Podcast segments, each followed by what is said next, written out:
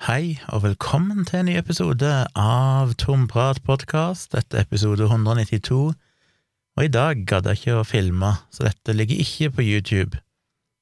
Av og til så så har jeg ikke tid. I dag har jeg ikke hatt tid, og det å filme krever en del mer ekstra arbeid. Jeg har iallfall funnet ut at de gangene jeg kommer til å filme video og legge ut på YouTube, så blir det nok ikke samme dagen.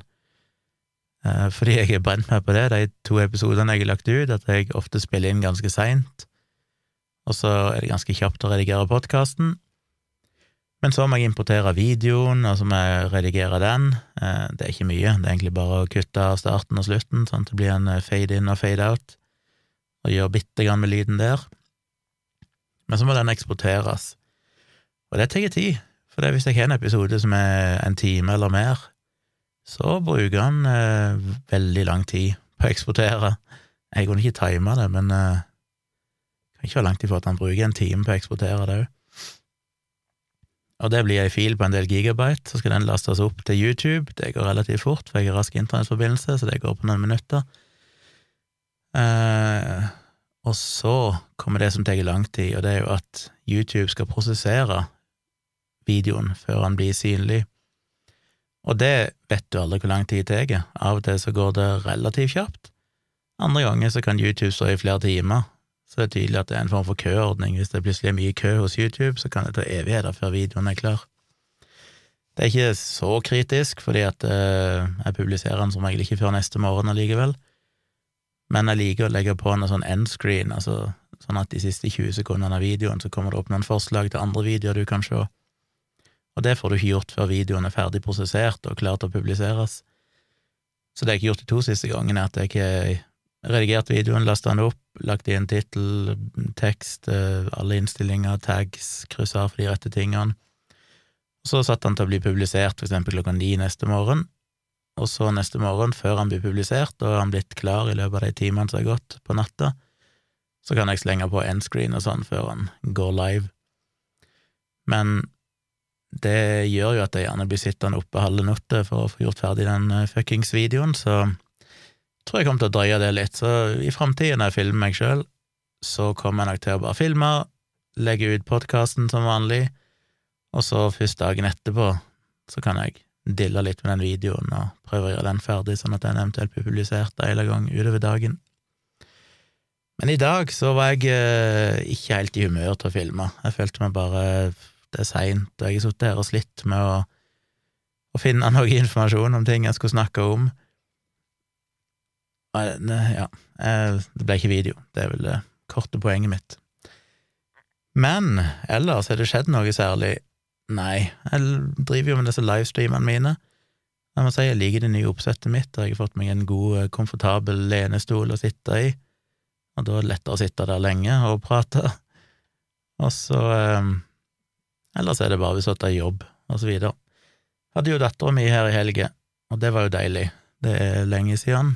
Litt over en ja, det er ikke mer enn kanskje en måned siden sist, men det er lenger enn vanlig, og før det så var det jo tre måneder. Men nå tror jeg vi kanskje begynner å komme tilbake til normalen, for nå satser jeg på at hun skal komme igjen om en tre ukes tid, og så ja, så det begynner å bli mer normalt igjen. Og jeg blir jo veldig glad når jeg hører at hun sier at uh, jeg snakka litt med henne og spurte liksom for eksempel om hvordan hun føler det var under pandemien og sånn. Og hun har jo ikke merka så mye til det. Hun sier at i Kristiansand der er det jo Bortsett fra at de har hatt noen få korte perioder der de har hatt eh, redusert skoleoppmøte, så har jo de merka veldig lite til det.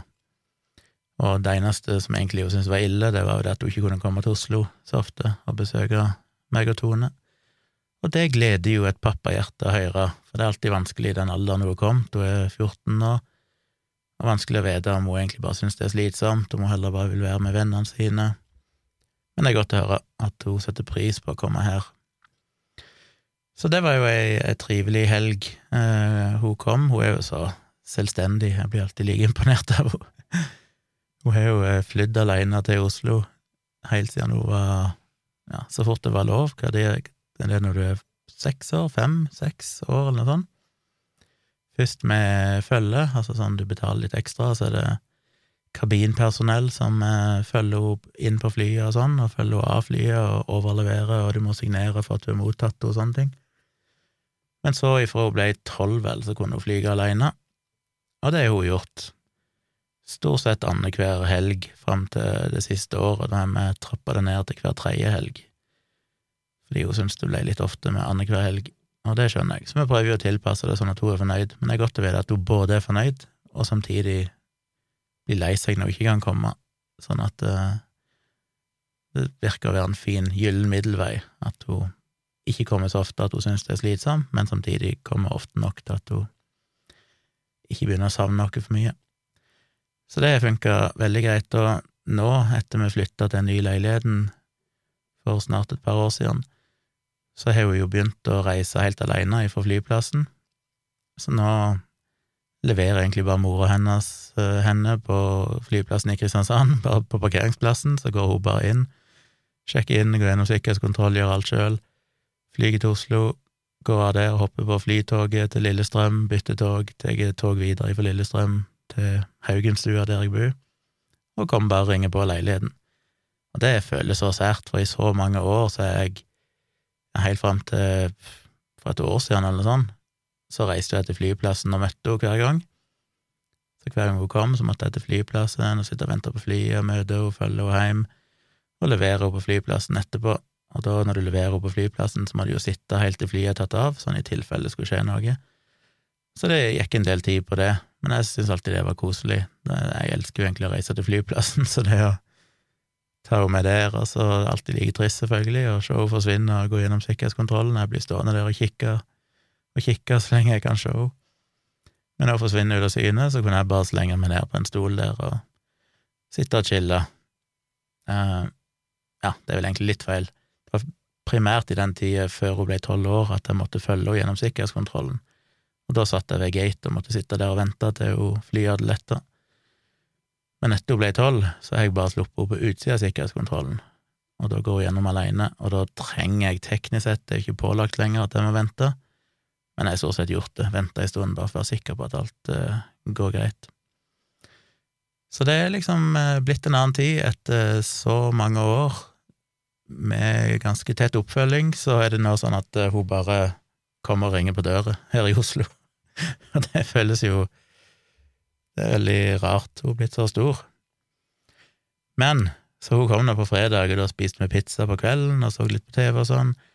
På lørdag så var vi faktisk nede i byen, og det er jo Ja, ja, jeg var jo hos tannlegen her i forrige uke, men bortsett fra det så var jo det første gang jeg hadde vært nede i byen sånn på en måneds tid eller noe ja, siden sist Maja var her, og det var jo i slutten av april, nei, i slutten av mars. Så vi var nede der og gikk en ganske lang tur. Tok toget til Nationaltheatret, så gikk vi på Aker Brygge og litt rundt på Aker Brygge. Der syns jeg det er veldig fint. Det er så kul arkitektur, og det er så mye nytt der. Så vi gikk noen runder der, og så fulgte vi sjø, sjøveien, holdt jeg på sjøkanten uh, hele veien tilbake igjen til Oslo S. Og jeg hadde med kamera, fikk knipsa noen bilder, og det var nydelig vær, og kjøpte dere is og koste dere. Og på kvelden så fyrte jeg opp grillen for første gang i år. Så den virker virka heldigvis fortsatt, men uh, det betydde at jeg måtte dra med meg den der propantanken, ta den i hånda, og traska en kvarters ti eller 20 minutter eller sånn, til nærmeste sånn automat der du kan bytte disse, disse propanbeholderne. Som jeg selvfølgelig syntes var litt skummelt, for det hadde jeg aldri gjort før. Så jeg var sånn åh, hvordan funker egentlig dette? Så jeg måtte jo eh, Litt sånn misvisende instruksjoner, men jeg tok en sjanse til slutt på å trykke et valg, og så var det heldigvis riktig, så jeg fikk nå ordna det. Så måtte jeg bære hjem igjen en desto tyngre beholder som nå var full. Sånn er det, å ikke ha bil eller noen ting. Må du gå og traske og bære på sånne ting. Men det er ikke, det er ikke så ekstremt langt.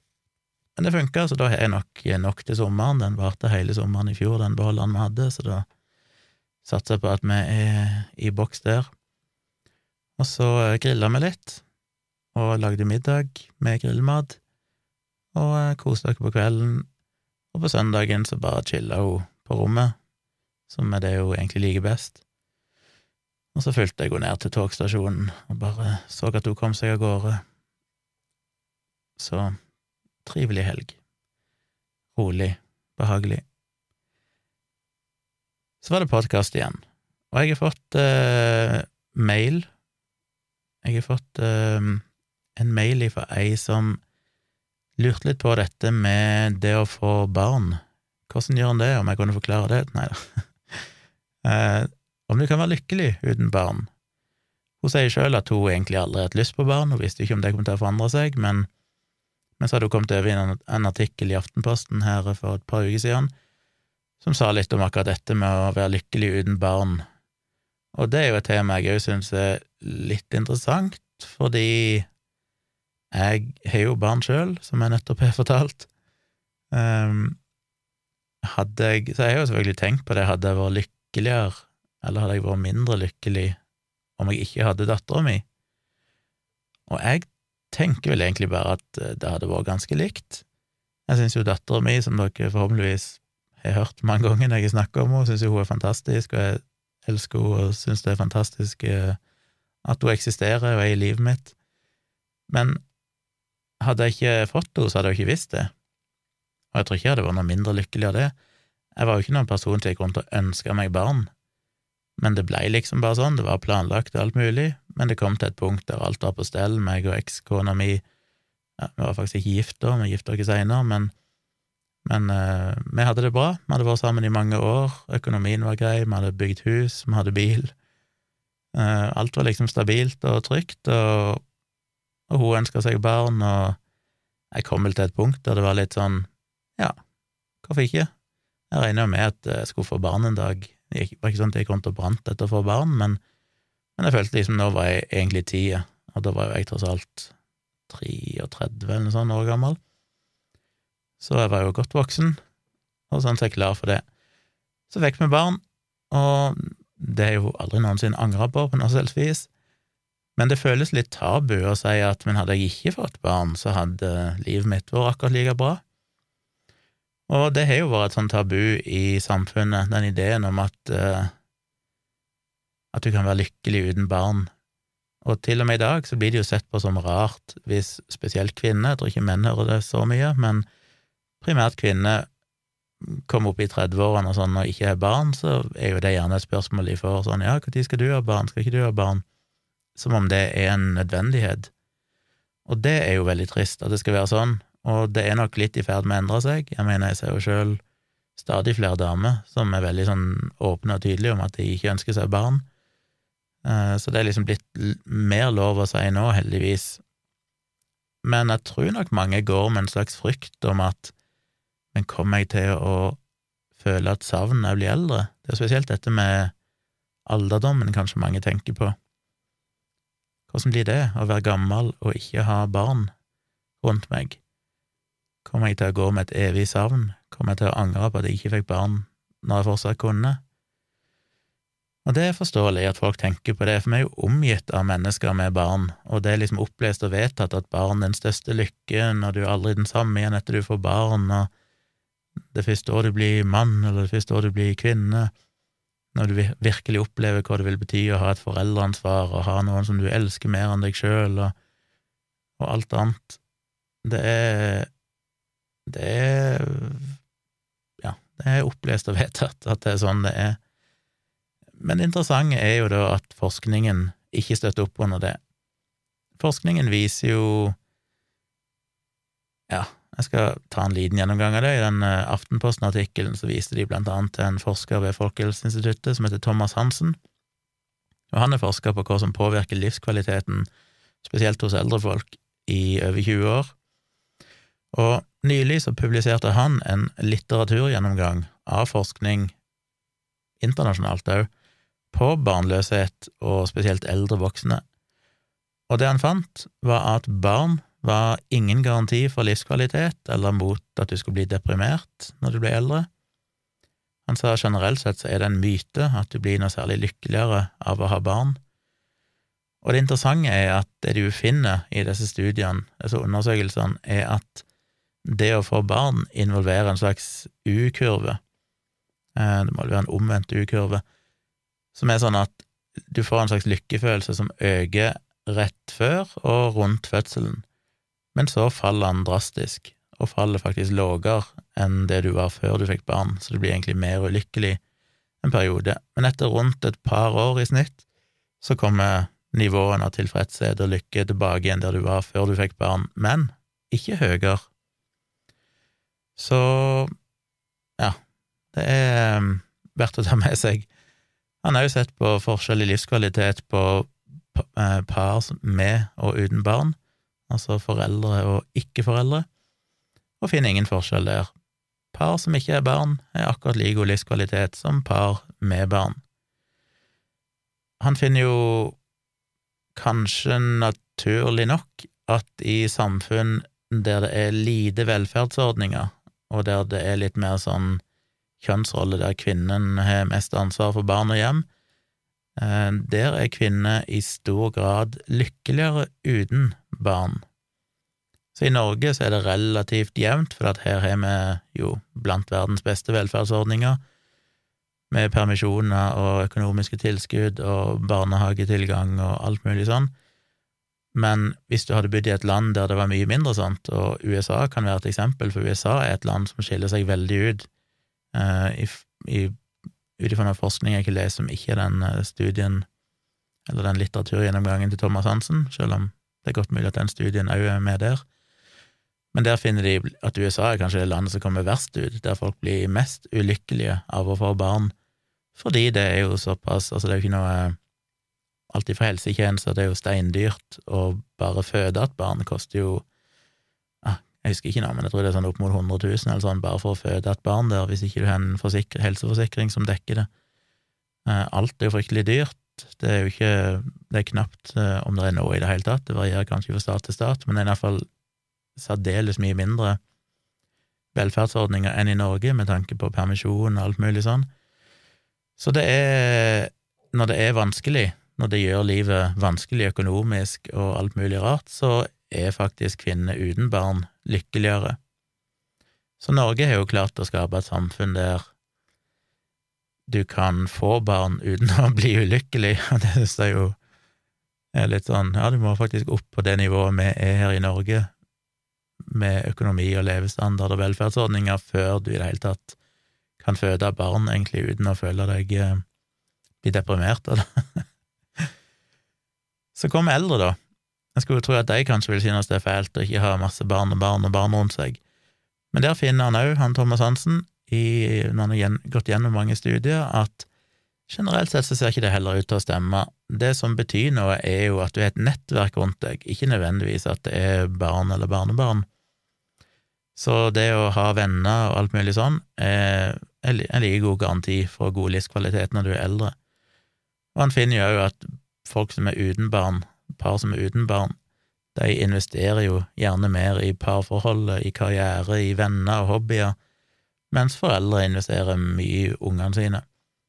Og det betyr jo at hvis ikke du er barn, så vil du ofte ha investert mer i andre ting som gjør at du føler en trygghet og har et nettverk når du er eldre, Eh, kanskje i større grad, uten at han sier noe om det, men om jeg skal spekulere, muligens kanskje i større grad enn de med unger. For det kan jo være et kjent fenomen at når du får barn og sånn, så er det en del år der det er vanskelig å og kan være vanskelig for mange å opprettholde like god kontakt med venner og venninner og sånn, og kanskje du mister litt på veien. Men jeg måtte òg se om jeg fant litt annen eh, forskning enn bare den eh, norske studien, eller norske litteraturgjennomgangen. Og jeg gadd egentlig ikke å bla gjennom for mange, for det er stort sett i alle artiklene jeg la, så så det ut til å være egentlig det samme mantraet som gikk igjen, og det er at når du ser på all forskningen, så finner en ikke at eh, foreldre eller personer med barn er noe lykkeligere enn de uten barn. Blant annet en amerikansk studie som fant at foreldre og ikke-foreldre var omtrent akkurat like fornøyd med livet, men de fant én forskjell der, og det var at foreldre opplevde mer daglig glede, men òg mer daglig stress enn det ikke-foreldre gjorde. Så det de egentlig fant, var jo at hvis du ikke har barn, så er livet mye mer stabilt. Så livskvaliteten i snitt er akkurat like høy, men du har kanskje færre gledesøyeblikk, men òg da færre nedturer og stress. Og de skriver jo generelt sett at de finner at foreldre Altså folk som er foreldre generelt sett sliter mye med, med stress i ganske lang tid.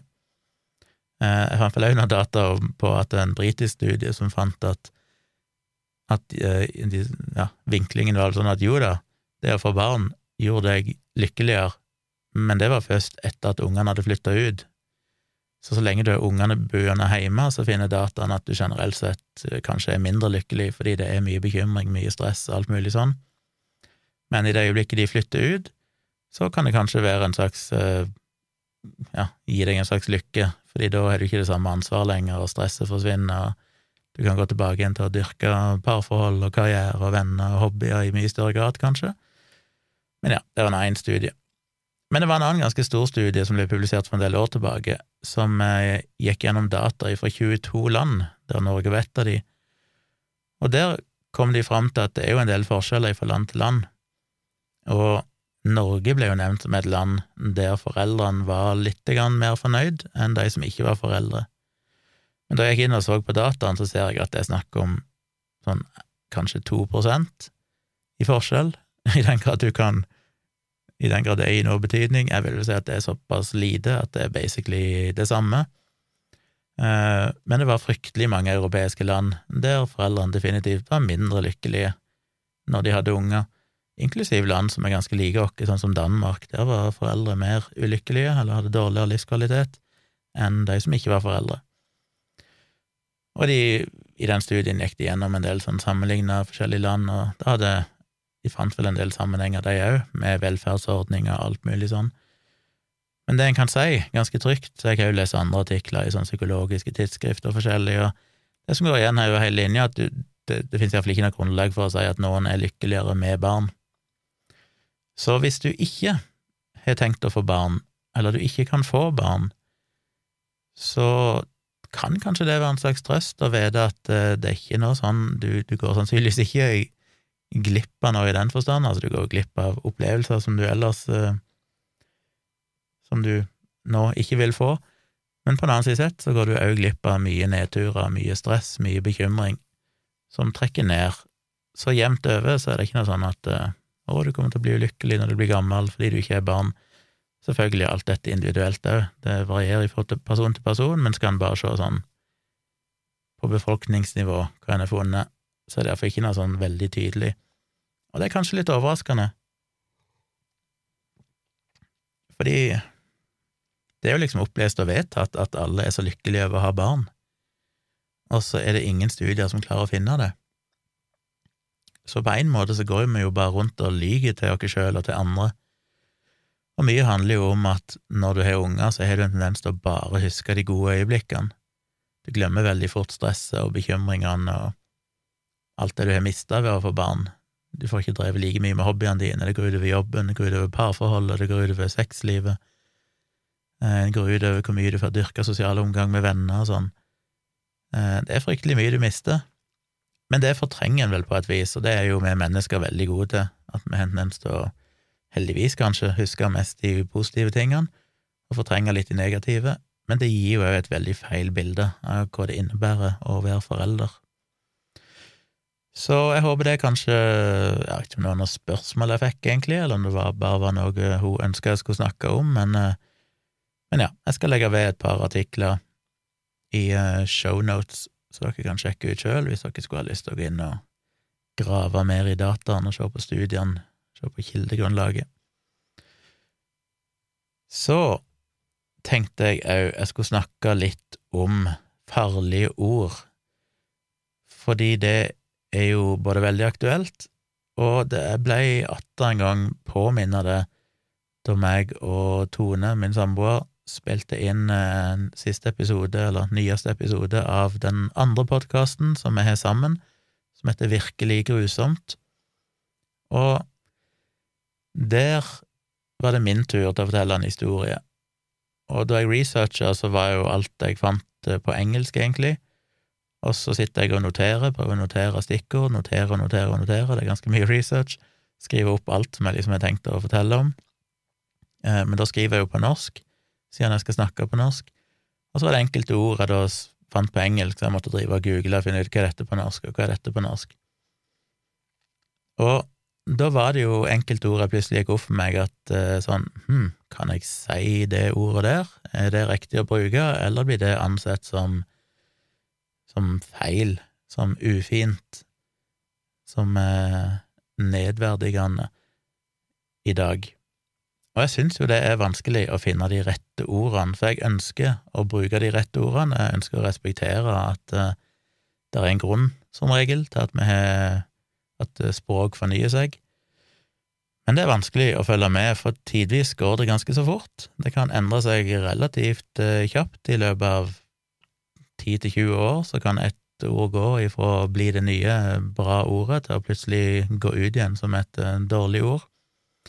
Så det er ikke bare bare. Og jeg skal ikke se på alt mulig her, men jeg tenkte å se litt på dette med hvordan du omtaler folk med en eh, mørkere hudfarge. Og der er det jo en ganske god gjennomgang. Ja, hva søren var egentlig kilden der? Det var Språkrådet, ja. Språkrådet har jo en egen artikkel som tar for seg primært ordet neger, og sier litt om hvordan, ja, hvordan forholder det seg og det er jo ikke så veldig interessant i seg sjøl, det tror jeg nok vi alle er klar over, hvordan at det ordet ikke skal brukes. Men der drøfter de jo en del alternativer, liksom hvilke ord skal du egentlig bruke, det syns jeg er interessant. Uh, Vi kan jo begynne med at selvfølgelig ordet neger i dag ikke er akseptert. Men meg og Dag Søre snakket jo opptil flere ganger om det ideologisk, fordi da jeg vokste opp, så var jo neger det rette ordet å bruke. Jeg er født i 74, så jeg vokste opp på 70-, 80-, 90-tallet, og jeg tror ikke egentlig før ut på 2000-tallet at det ble sånn at jeg ble veldig bevisst at neger ikke var et greit ord lenger. Um, og jeg mener, jeg jo, jeg er jo født i Tanzania, bodd eh, flere år i Kenya og Tanzania. Mine foreldre har bodd der enda lenger, og mine foreldre har jo alltid jobba med flyktninger og ja, familien har jo alltid vært veldig antirasistisk. Så det finnes jo ingen grunn til at jeg skulle bruke ordet neger fordi at jeg ønska, mente noe vondt med det, tvert imot. Eh, men da jeg var ung, så var jo neger det riktige ordet å bruke, også det som holdt på å si rasistene sa, eller de som ja, de som syntes det var litt skummelt med innvandrere og folk som så annerledes ut. På heimstedet mitt, de brukte jo gjerne ordet svarting. Men tidene forandra seg. Og neger kom jo via tysk og fransk ifra portugisisk, og kommer opprinnelig ifra det latinske ordet for svart, som er niger. Og det er klart det er noen som har argumentert med at ja, men neger, det betyr jo bare svart, derfor er det helt uproblematisk. Spesielt fordi at det ordet som i dag er riktig å bruke, er jo svart. Så hvorfor kan vi ikke da bruke neger? Men det er jo en sånn veldig simplistisk forståelse av hvordan språket fungerer, fordi språk, ord, betyr noe, de har en historisk eh, kontekst eh, som gjør at du kan ikke bare si at ja, men hvis du går til originalversjonen, så betydde det bare det. Og nigger, tross alt, som er opplest og vedtatt som fryktelig rasistisk og har en forferdelig tung historisk bagasje, eh, det kommer jo òg ifra niger. Så sånn sett kunne en jo da på samme grunnlag argumentert for at ja, men nigger er jo greit å si, for det betyr jo egentlig bare niger, som betyr svart. Men det er mye mer komplisert enn det, så de ordene legger vi bak oss. Men neger var jo ifølge Språkrådet vanlig å bruke til langt ut i 70-årene, 70-tallet, og som er litt rart, fordi det ble jo gjerne brukt, faktisk, fram til da, av nettopp de folkene som kjempa for svartes rettigheter, som kjempa for like rettigheter for alle, altså for, for de som vel var antirasister. Så det viser jo litt at hvordan neger på den tida var det rette ordet å bruke.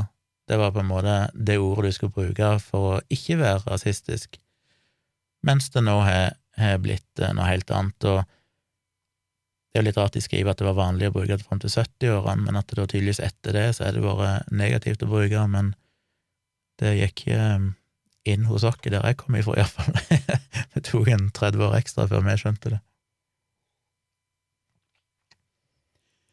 Så det de konkluderer med, Språkrådet, det er at det er dårlig skikk å bruke ordet neger, sjøl om det ikke nødvendigvis er meint nedsettende. Og da peker de jo nettopp på det, at det er jo mye, spesielt gamle folk, som bruker ordet neger fordi det var det som var det rette, og de mener det holdt si, positivt, de mener det jo som et ord som ikke skal være rasistisk. Og det er jo viktig å være klar over. Det er ikke noe vits i å skjelle ut en eh, gammel person som bruker ordet neger, men heller eventuelt å forklare dem at uh, det i dag ikke er greit å bruke. Men en må ikke nødvendigvis anta at folk mener noe rasistisk med det hvis de bruker ordet neger. Så hva er det som er riktig å bruke? Vel, det er litt forskjellige ting, og det kommer litt an på, men ordet svart har faktisk vært negativt tidligere, så det hadde gått andre veien. Det ble jo sett på som, som et negativt ord tidligere, men i dag så blir det regna som nøytralt, og kanskje til og med positivt. Og svart er jo vanskelig å komme utenom, som Språkrådet sjøl sier. Skal du først bruke et ord, så er det vanskelig å komme utenom ordet svart, for det vi snakker jo om hvite mennesker.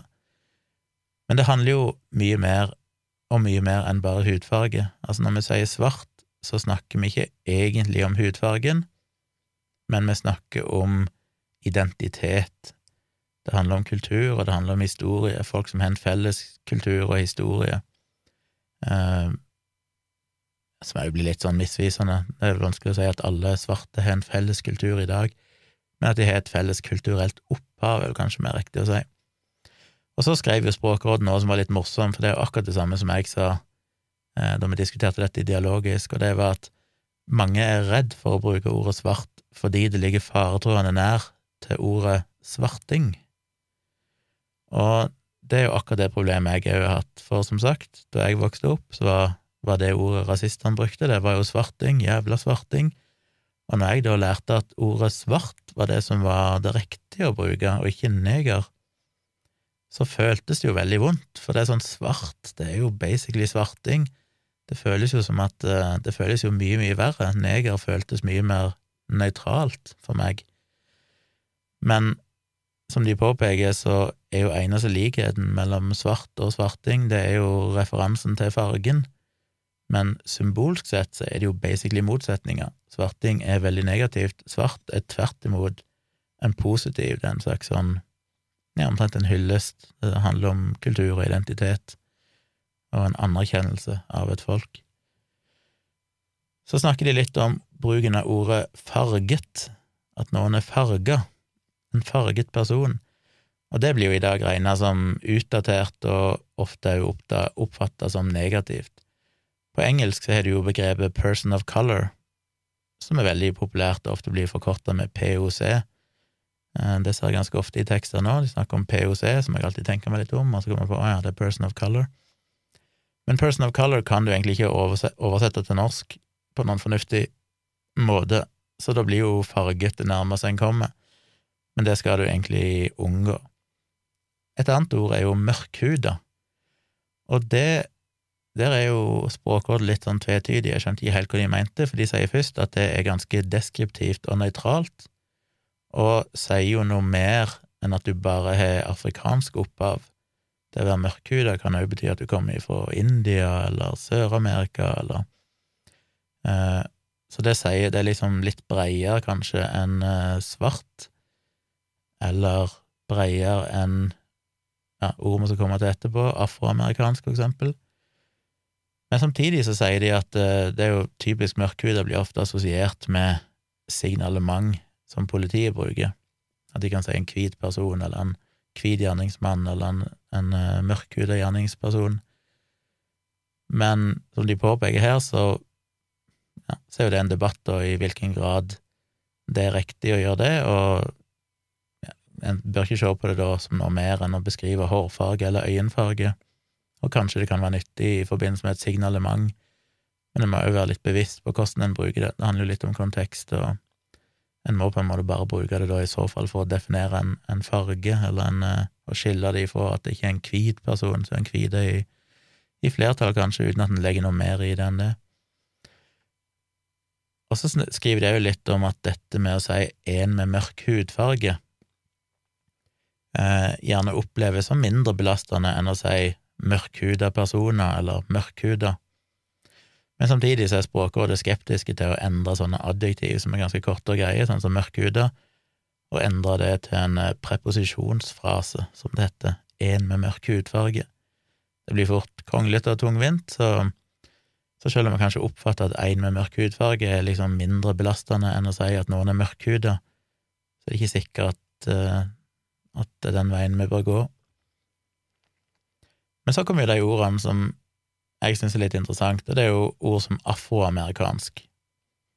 For det er jo brukt Det blir ansett som veldig nøytralt, og i Norge så er det det som egentlig er det rådende ordet å bruke hvis du snakker om da noen med afrikansk bakgrunn som spesifikt er amerikanere, så er det afroamerikansk som er ordet. Jeg har liksom begynt å stusse litt på det i det siste, for jeg har følt jeg har sett noen mene at afroamerikansk kanskje ikke er riktig å bruke. Eh, men det er en ganske kompleks debatt, og handler veldig mye om kontekst og alt mulig sånn. På engelsk så har de jo, mens de òg tidligere brukte afro-american, så er jo de nå i veldig stor grad gått over til å, å kalle det for African American, og gjerne med stor A, fordi det har blitt viktigere og viktigere å definere det som en sånn At symbolikken i det, at du har afrikansk bakgrunn, at du har en, en, en felles historie, det kommer fra slaveri og alt mulig sånn, det er noe der som er viktig å markere. Så African American er det som egentlig er det som blir brukt oftest nå. Og på norsk så kan du faktisk bruke afrikansk-amerikansk, men det har vel egentlig ikke kommet til Norge så veldig. Det, det fins, det ordet, men jeg har vel aldri før, tror jeg, sett det i bruk. Kanskje bare ikke lagt merke til det, men jeg tror nok fortsatt det er afroamerikansk som er det mest vanlige i Norge. Så er det òg noe som heter for black American, og det er jo et videre uttrykk enn African American, fordi African American sier jo egentlig spesifikt noe om at du du har kanskje en historisk fortid med, med slaveri, og som folk som ble henta spesifikt ifra Afrika, mens black American kan handle om noe mer enn det. Det er fortsatt folk som er svarte i huden, eller mørkere i huden, men ikke nødvendigvis har den samme historiske fortida. Uh, ja, så det, det er litt en liten nyanseforskjell der, og det varierer veldig for amerikanere hva de ønsker å kalle seg, om de ønsker å bli betegnet som Black American eller African American. Og som jeg så i en artikkel jeg leste, så sier de at eh, kanskje en bare skal spørre de hva foretrekker du å bli kalt, så kan det være en grei sånn conversation starter. Fordi det finnes ikke noe sånn absolutt rett og galt, og det kan være veldig individuelt. Det handler jo mye om hvordan de identifiserer seg kulturelt og alt mulig sånn. Um, ja. Så det var egentlig en liten gjennomgang av uh, alt det. Korte svaret er vel at de beste begrepene å bruke er svart. Skal du snakke om eh, om ja, folk med afrikansk bakgrunn. Og er det spesifikt amerikanere, så er det vel afroamerikansk eller afrikansk-amerikansk som er det beste å bruke. Og da vi i helg eh, spilte inn, eller i går, spilte inn nyeste episode av Virkelig grusomt, så kom jeg over egentlig to typer ord som jeg leide etter. Og det er fordi eh, vi snakket om en eh, forferdelig, forferdelig fyr som heter Albert Fish, som ble født i 1870 og ble til slutt eh, tatt i 1935. Og han levde et liv der han i ja, et eget sigende tok eh, misbrukte, muligens torturerte og drepte og så videre, over 100 unger over mange, mange år i USA. Eh, vi vet ikke hvor mange han tok, men det han gjorde, var jo at han seksuelt misbrukte de, han torturerte de, lemlesta de, skar de opp og endte opp med å spise de, så han var jo både kannibal og, og uh, alt, ja. dere må høre episoden. Han, han er visstnok et sånn psykiatrisk unikum i antall seksuelle fetisjer som han faktisk uh, hadde. han de jo ganske drøye, de fleste av de. Men der kom jeg jo over at han i veldig stor grad gikk et Eh, barn som var afroamerikanske eller Altså, jeg husker ikke det engelske ordet, men uh, jeg mener i en norsk artikkel jeg leser, så sto det tilbakestående. Og det var litt sånn, hæ? Det var da jeg begynte å lure på kan jeg bruke afroamerikansk, er det riktig å bruke? Så måtte jeg google det, og det er jo snakk om. Men òg dette med hva, hvilke ord bruker du for funksjonshemma mennesker av forskjellige typer? Eller forskjellige typer funksjonshemminger. Og da måtte jeg google igjen, og kom over en artikkel som tok for seg det, og jeg vet at det er litt sånn omdiskutert, fordi det er litt sånn eh, Jeg så en artikkel blant annet med med en autistisk person, fordi det er det rette å si, som syntes det var idiotisk at ikke det var lov å si autist, at en da skulle det for autistisk person, fordi han eller hun, jeg husker ikke helt hvem som skrev det, mente at det var liksom typisk at nevrotypiske personer, altså folk som ikke lider av for eksempel autisme Er det feil det å si lider av autisme? Har autisme? Er en autistisk person? At de skal definere hvilke ord som brukes når de fleste autistiske personer ikke sjøl ser ut til å bry seg om det. Så det er så interessant at det er en debatt om det, eh, som jo er på alle sånne fronter. Men jeg tenkte jeg kunne bare fort gå gjennom de ordene, for jeg tror det kan være nyttig. Jeg trengte iallfall å lære det sjøl. Og det de sier, at de har ei liste over de ordene som de anbefaler, og det er funksjonshemmede, mennesker eller personer med funksjonsnedsettelser, mennesker eller personer med nedsatt funksjonsevne, mennesker eller personer med nedsatt hørsel, syn etc. Så det er på en måte riktige ting å si. Det er jo riktig å si mennesker med autisme.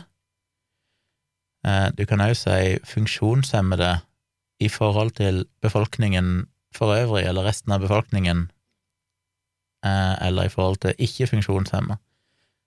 Ja, veldig tungvint eh, greie. Du kan òg si bevegelseshemmede. Du kan si synshemmede, om folk som er blinde og svaksynte. Du kan si hørselshemmede, men du kan òg si døve, så det er greit å si. Men så er det òg et ord som heter døvblitt, og det er noen som har mista hørselen helt etter at talespråket er innlært, som altså ikke er født døve, eller blitt døve i veldig ung alder. Så døvblitt, det var et nytt ord for meg. Kortvokst er greit å si. Utviklingshemma er greit å si. Diabetes, diabetiker, står det. Hva mener de med det? Ja. Hvis du er diabetes, så kan du si diabetiker. Du kan også si dyslektiker. Men du skal si punktskrift i stedet for blindeskrift. Og du skal si tegnspråk, ikke døvespråk. Og ordet førerhund er greit. Og det er litt interessant, fordi at jeg holdt jo foredrag for Oslo Døveforening, eller et eller annet sånt, jeg husker ikke helt hva det heter, for noen år siden. Og det var jo en veldig mm, kul opplevelse, rett og slett. Fordi jeg kom der, visste ikke helt hva som venta meg, og jeg har, ikke, jeg har vel aldri hatt noen døve venner eller noen døve i omgangskretsen min, så jeg har veldig lite erfaring med akkurat det. Og jeg visste ikke helt hvordan jeg skulle forholde meg til det. Jeg husker jo at jeg syntes det var litt sånn vanskelig, for det, når du er vant med at alle rundt deg hører, så er det veldig fort gjort å glemme at eh, nå er du med folk som faktisk ikke kan høre. Og en av tingene var for eksempel at hun som var ansvarlig og tok imot meg og sånn, eh, hun var veldig flink til å lese på munnen, så selv om hun er litt usikker på om hun er helt døv, eller om hun er bare hørselshemma, altså et mer svekka ja, Det kan omfatter vel kanskje helt døv òg, men iallfall at hun har en begrensa høreevne. Og på et eller annet tidspunkt så hadde jeg rigga meg opp med laptopen og sånn til prosjekter og sånn, og så skulle jeg spørre henne om noe, jeg vet ikke om jeg skulle spørre om hun kunne få et glass vann eller noe sånt, men så sto hun med ryggen til og snakka med noen andre, og da ble jeg plutselig sånn, fikk jeg litt sånn panikk inni meg, for det var sånn, shit, hva gjør jeg nå? Hun sto liksom med en person som satt på en benk eller et eller annet, så jeg kunne ikke bare gå rundt på andre sida, veldig enkelt. Og da var det sånn, jeg kan jo ikke rope på jeg kan ikke si hei, eh, hun kommer ikke til å høre meg. Kan jeg ta på? Kan jeg liksom pikke henne på skulderen eller armen? Det føles òg veldig invaderende å gjøre på en person jeg ikke kjenner. Så da, da ble jeg litt sånn eh, Jeg visste ikke helt hva jeg skulle gjøre, så jeg gikk liksom bare bort på sida og prøvde å gjøre meg synlig, og så Nei, det føltes eh, Da følte jeg meg ganske dum. Men da husker jeg at jeg jo De hadde arrangert to Og nå må jeg jo si riktig, for hva var det som var riktig? To tegnspråktolker, var det det som er det riktig å si? Og ikke døvetolker. Ja, nei, så har jeg glemt hva som var riktig. Jeg husker iallfall jeg sa feil. Jeg tror jeg sa døvetolk. Eh, de skulle Nei, jeg sa et eller annet om døvetolk, og så påpekte jeg at det ikke er døvetolk, det heter tegnspråktolk. Nei, tegnspråk? Jo, tegnspråktolk. Eh, og litt av det er vel fordi at de òg er nyttige og brukes av folk som ikke nødvendigvis er døve. Du skal ikke anta at noen er døve fordi de trenger en tegnspråktolk. Det kan òg være noen som er hørselshemma i annen grad enn bare å være helt døv. Eh, Sånn jeg forsto det. Det kan være det enda mer kompleks enn det. Men det var iallfall en sånn typisk ting jeg bare tenkte sånn shit, dette har jeg jo aldri tenkt over. Og jeg trodde jo det het døvetolk. Jeg ante ikke at det var feil å si. Så ja, det kan være nyttig å lese seg opp på de her tingene. Jeg kommer jo til å bookmarke disse artiklene, for jeg eh, har lyst til å bruke de rette ordene, og det er greit å ha det lett tilgjengelig. Men så er det ord du skal være varsomme med, og det er ord som psykopat, handikappa, skal du helst ikke si, kanskje. Eh, Du skal heller ikke si ordet gladjenta eller gladgutten hvis du bruker det om funksjonshemma mennesker. Hjelpeløs skal du ikke si at noen er. Vansira skal du ikke si. Du skal ikke egentlig bruke noen ord som har forstavelsen blind, døv, handikap videre. Derav skal du ikke si døvetolk, du skal si tegnspråktolk. Eh, bruk av ord som sinnssykt eller schizofrent eller døvt som adjektiv og adverb skal du ikke bruke helst. Eller skal være varsomme med de, i den kategorien vi er nå. Og så skal du heller ikke bruke ordet bruker. Du skal ikke si det, bruke det som et synonym til funksjonshemma, at du er en bruker. Du skal bare benytte oss når det henvises til hva du faktisk er bruker av, bruker av et eller annet, ikke bare generelt sett en bruker. Og så kommer de ordene som du ikke skal bruke, og det er funksjonsfrisk. Og det må jeg si overrasker meg litt. Det høres ut som et veldig nøytralt og greit ord. Veldig sånn funksjonsfrisk. Han er funksjonsfrisk, hun er funksjonsfrisk.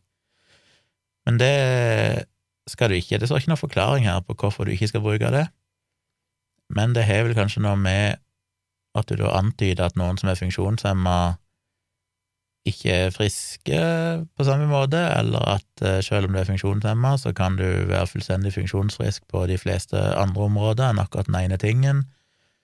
At det kanskje gir en sånn kunstig skille mellom folk som har en funksjonshemming, og folk som ikke har det, hvis du sier at noen er funksjonsfriske. Jeg vet ikke, jeg skjønner ikke helt. Informer meg gjerne. Send meg mail på eh, tompratpodkast.gmail.com.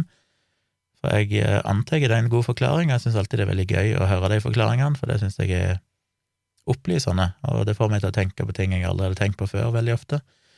Så det vil jeg gjerne opplyses. Du skal ikke si de funksjonshemmede. Ja, interessant. Så du kan si at noen er funksjonshemma, men du kan ikke omtale folk som de funksjonshemmede. Du skal ikke bruke ordet ufør som synonym til funksjonshemma, og det er vel kanskje fordi at ufør får det til å høres ut som at du går på trygd, eller at du ikke kan jobbe, eller et eller annet sånt, mens du ofte kan være eh, fullt kapabel til å gjøre det meste, selv om du er funksjonshemma. Du skal ikke si yrkeshemma som et synonym til funksjonshemma. Ja, det er kanskje samme grunn som jeg nettopp sa, med ufør. Du skal ikke si psykisk utviklingshemma. Du skal ikke si krøpling, forkrøpla, invalid, invalidisert, invalidebil og andre bindestreksord. Du skal ikke si vanfør, du skal ikke si lenka til rullestolen.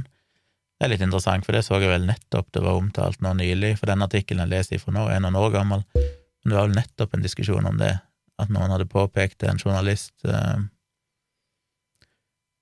Var det han eh, Ja, jeg skal ikke si hvem det var, men en som sjøl sitter i rullestol, tror jeg, som hadde reagert på at de i en eller annen artikkel hadde skrevet at han, en eller annen person ble lenka til rullestolen etter ei ulykke.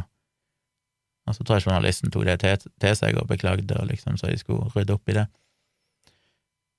Du skal ikke bruke ordet dverg, ikke åndssvak, ikke mentalt tilbakestående eller tilbakestående. Du skal ikke bruke ordet autist, og det var jo veldig nytt for meg, at ikke du skal bruke ordet autist, men du skal si en autistisk person. Og jeg skjønner jo tankegangen bak det, at uh, å si at du er autist, det reduserer deg til å bare være en diagnose. Du er bare autist, det definerer alt du er. Mens at du er en autistisk person, eller en person med autisme, det er litt sånn litt mer nyansert. Mongoloid skal du ikke si, retardert skal du ikke si, sinnssyk, grønnsak, synssvak, blinde hund eller blinde bøker skal du ikke si. Eh, tunghørt skal du ikke si. Døvstum skal du ikke si. Døve og Du skal ikke si døvetolk eller døvespråk. Ja, det var det jeg eh, snakket om i stad, ja. At jeg sa døvetolk, og det var feil. Jeg skal si tegnspråktolk. Ordblind skal du ikke si. Det er jo litt rart at det er sånne ord skal du styre unna. Det føler jeg jo er så utbredt at du snakker om noen som har dysleksi, at de er ordblinde. Men det er visstnok ikke kosher lenger. Du skal ikke si sukkersyke. Du skal si diabetes, altså, vil jeg anta. Som er litt morsomt, for jeg har jo en, en god venn som har diabetes, og han sier jo sjøl sukkersyke hele tida. Men det skal du visstnok egentlig ikke si. Du skal ikke si senile, at noen er senile. Du skal bruke ordet dement eller senildement. Og du skal ikke bruke ordet multihandikappa. Så der, folkens, nå er dere opplyst om eh, hvordan dere skal snakke, men dette er fryktelig vanskelig å huske, så for meg så Jeg lærer sånne ting med å bare være bevisst det er jo tipset mitt til dere. Eh, jeg prøver jo å være bevisst når jeg skriver en bloggpost eller noe sånt. Hvis jeg er i tvil, så prøver jeg å sjekke det opp, og da lærer jeg det etter hvert, hvilke ord jeg skal bruke, når jeg bevisst gjør en innsats for å finne ut det rette ordet og faktisk skriver det ned og bruker det. Eh, men jeg kommer til å si mye feil, spesielt de her ordene her som jeg nettopp leste opp, som du ikke skal bruke. Det er jo så mange av de som jeg tenker på som helt vanlige, sånn som autist eller eh, eller uh, invalid, trodde jeg var innafor. Ikke minst, hva var det for en funksjonsfrisk, ja? Eller tunghørt, eller døvstum, eller ordblind, eller sukkersyke. Senil trodde jeg òg var innenfor, men mye, jeg har mye å lære. Så hvis dere er interessert i å sitte og lese gjennom det, så skal jeg lenke til den artikkelen, så kan dere jo ta en kikk sjøl. Det interessante med dette er jo at selv om jeg støtter veldig Jeg er veldig bevisst det med at ord har makt, at ord er med på å forme holdninger, eh, og det er veldig viktig at vi bruker de rette ordene, og det er jo veldig viktig at det, det er ikke vi som ikke blir ramma av de ordene, som skal definere det. Det er likegyldig om jeg syns det er fornuftig eller ikke at du kan bruke det ene eller andre ordet, hvis folk føler at det er en belastning på noe vis, eller det skader de på et vis ved at det reduserer de til noe mindre enn det de er, eller det um, ja, det mangler nyanser, eller noe sånt eller har negative assosiasjoner på andre måter, så, så, må vi respektere det. Det koster ikke veldig lite å prøve å bruke de rette ordene, men det er veldig lett å gjøre feil. Problemet er jo at det ikke fins noe rette ord. Det er ikke noe galt ord og rett ord. Jeg var jo inne på det i stad, at neger var jo det rette ordet for noen tiår tilbake, eh, og svart var ikke et riktig ord å bruke, mens nå er det jo neger som ikke er lov å bruke, og svart som er det rette ordet å bruke. Jeg fant en artikkel som jeg skrev for var det 2013 eller et eller annet, var mange år siden, i Aftenposten, som var litt interessant, som bare tok for seg dette med hvordan en tidligere brukte ord som åndssvak og tilbakestående, men det ble jo sett på etter hvert som feil og dårlig, så en endra det til psykisk utviklingshemma. Og det tror jeg det er veldig mange den dag i dag som tror er riktig, men det ligger jo nå altså på fy-lista psykisk utviklingshemma skal du ikke bruke. Og noe av grunnen til det var at psykisk utviklingshemma, som var liksom den korrekte betegnelsen, en vet ikke helt når det ble tatt i bruk, men iallfall da jeg var relativt ung, så vet jeg at det var det uttrykket en brukte. Eh, så jeg vil tippe kanskje at åndssvak og tilbakestående og sånn ble byttet ut på ja, kanskje 70-tallet eller noe sånt, at det da begynte å bli psykisk utviklingshemma, eller 80-tallet hvis det var så seint. Eh, men så begynte jo begrepet hemma å bli et skjellsord, og det ble en del av dagligtalen, at noen var hemma, du er jo helt hemma, som kom ifra utviklingshemmed. Og dermed så ble jo begrepet psykisk utviklingshemma, som da hemma kom ifra, problematisk. Og så kom HVPU-reformen eh, i 1991, og da ble det rett å si eh, hva da kaller de for HVPU-ere, som jo er fryktelig tungvint og ikke noe kult i det hele tatt. Men det er i hvert fall det rette å si da. Og jeg er litt usikker på hva som er riktig å si nå. Nå er det vel kanskje Nå er det vel kanskje å si funksjonshemma, eller uh... Ja, finnes det noen ord som spesifikt sier noe om Er det utviklingshemma er kanskje det rette å bruke nå? Som er ganske rart, fordi at uh, utviklingshemma, det er et ord som blir anbefalt, men psykisk utviklingshemma er et ord som du ikke skal bruke. Så du kan bruke utviklingshemma bare uten psykisk, men det skjellsord, holdt jeg på å si, hemma, det kommer jo ifra utviklingshemma. Så her er det gått en liten uh, rundtur. Og Steven Pinker, han kaller jo dette for den eufemistiske tredemølle. En eufemisme, det er jo å erstatte et uh, stygt uh, ord med et eller annet annet. Og det er jo det vi ofte gjør, vi prøver å finne ord som ikke er akseptable, og så finner vi nye ord for det. Han nevner jo noen sånne andre eksempler på at det vi tidligere kalte for gamlehjem, jeg mener jeg var liten, så var det jo gamlehjem. Det ble etter hvert endra til aldershjem, og så var ikke det greit, så ble det kalt for sykehjem, og så er det kanskje bolig for eldre, og så er det kanskje bo- og rehabiliteringssenter. Og da er jo spørsmålet, er liksom det å være gammel, er det plutselig stigmatisert nå? Du skal ikke bruke ordet gammel, det er ingen som er gamle. Så gamlehjem er ikke akseptabelt. Aldershjem var kanskje marginalt bedre, men det var heller ikke bra nok. Og så ble det sykehjem. Og til og med ordet gammel har jo nå i veldig stor grad blitt, ja, over lengre tid blitt erstatta med senior. Og det husker jeg fra hjemkommunen min òg, hvordan de har liksom seniorforening eller seniorklubb eller jeg husker ikke, Det var mye rart som heter senior der, fordi vi ikke bruke ordet gammel.